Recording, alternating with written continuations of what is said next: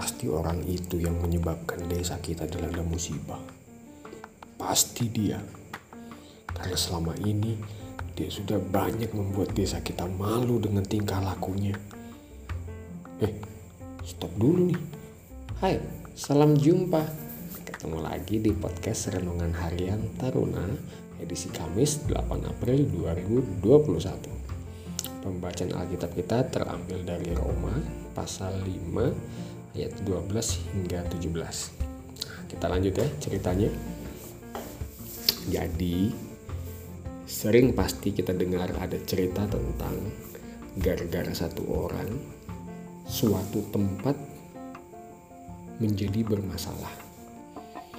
Kalau seperti yang tadi kakak ceritain, gara-gara satu orang desa tersebut jadi sering kena musibah biasanya sih kisah-kisah seperti ini ada di dunia sinetron namun ada juga di daerah desa-desa tertentu yang meyakini hal tersebut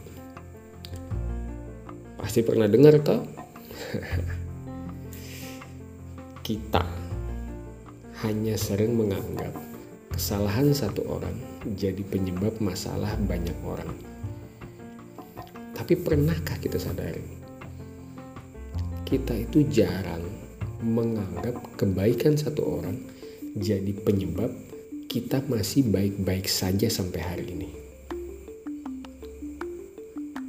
Padahal selama ini karena kebaikan satu orang, dosa kita dihapuskan. Karena kebaikan satu orang, kita lepas dari kuasa maut.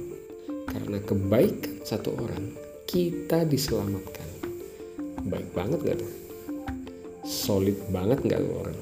Kalau ibarat dunia persahabatan, sahabat yang seperti ini, yang rela berkorban demi sahabat-sahabatnya yang lain, orang seperti ini harus kita jadikan sahabat seumur hidup. Jadi teman-teman, mari Jadikan dia sahabat terbaikmu, sering-sering ngobrol dengan dia, dan lakukan seperti yang dia lakukan. Apa itu? Yaitu selalu mulai lakukan yang terbaik dari diri sendiri. Bisa jadi karena kamu, orang-orang bisa diselamatkan juga. Bisa jadi karena kamu, keluargamu, atau kotamu diselamatkan. Yang penting jangan sampai karena kamu orang di sekitarmu jadi kena imbas dari apa yang kamu lakukan. Mari jadikan dia sahabat terbaik dan lakukan seperti yang dia lakukan, yaitu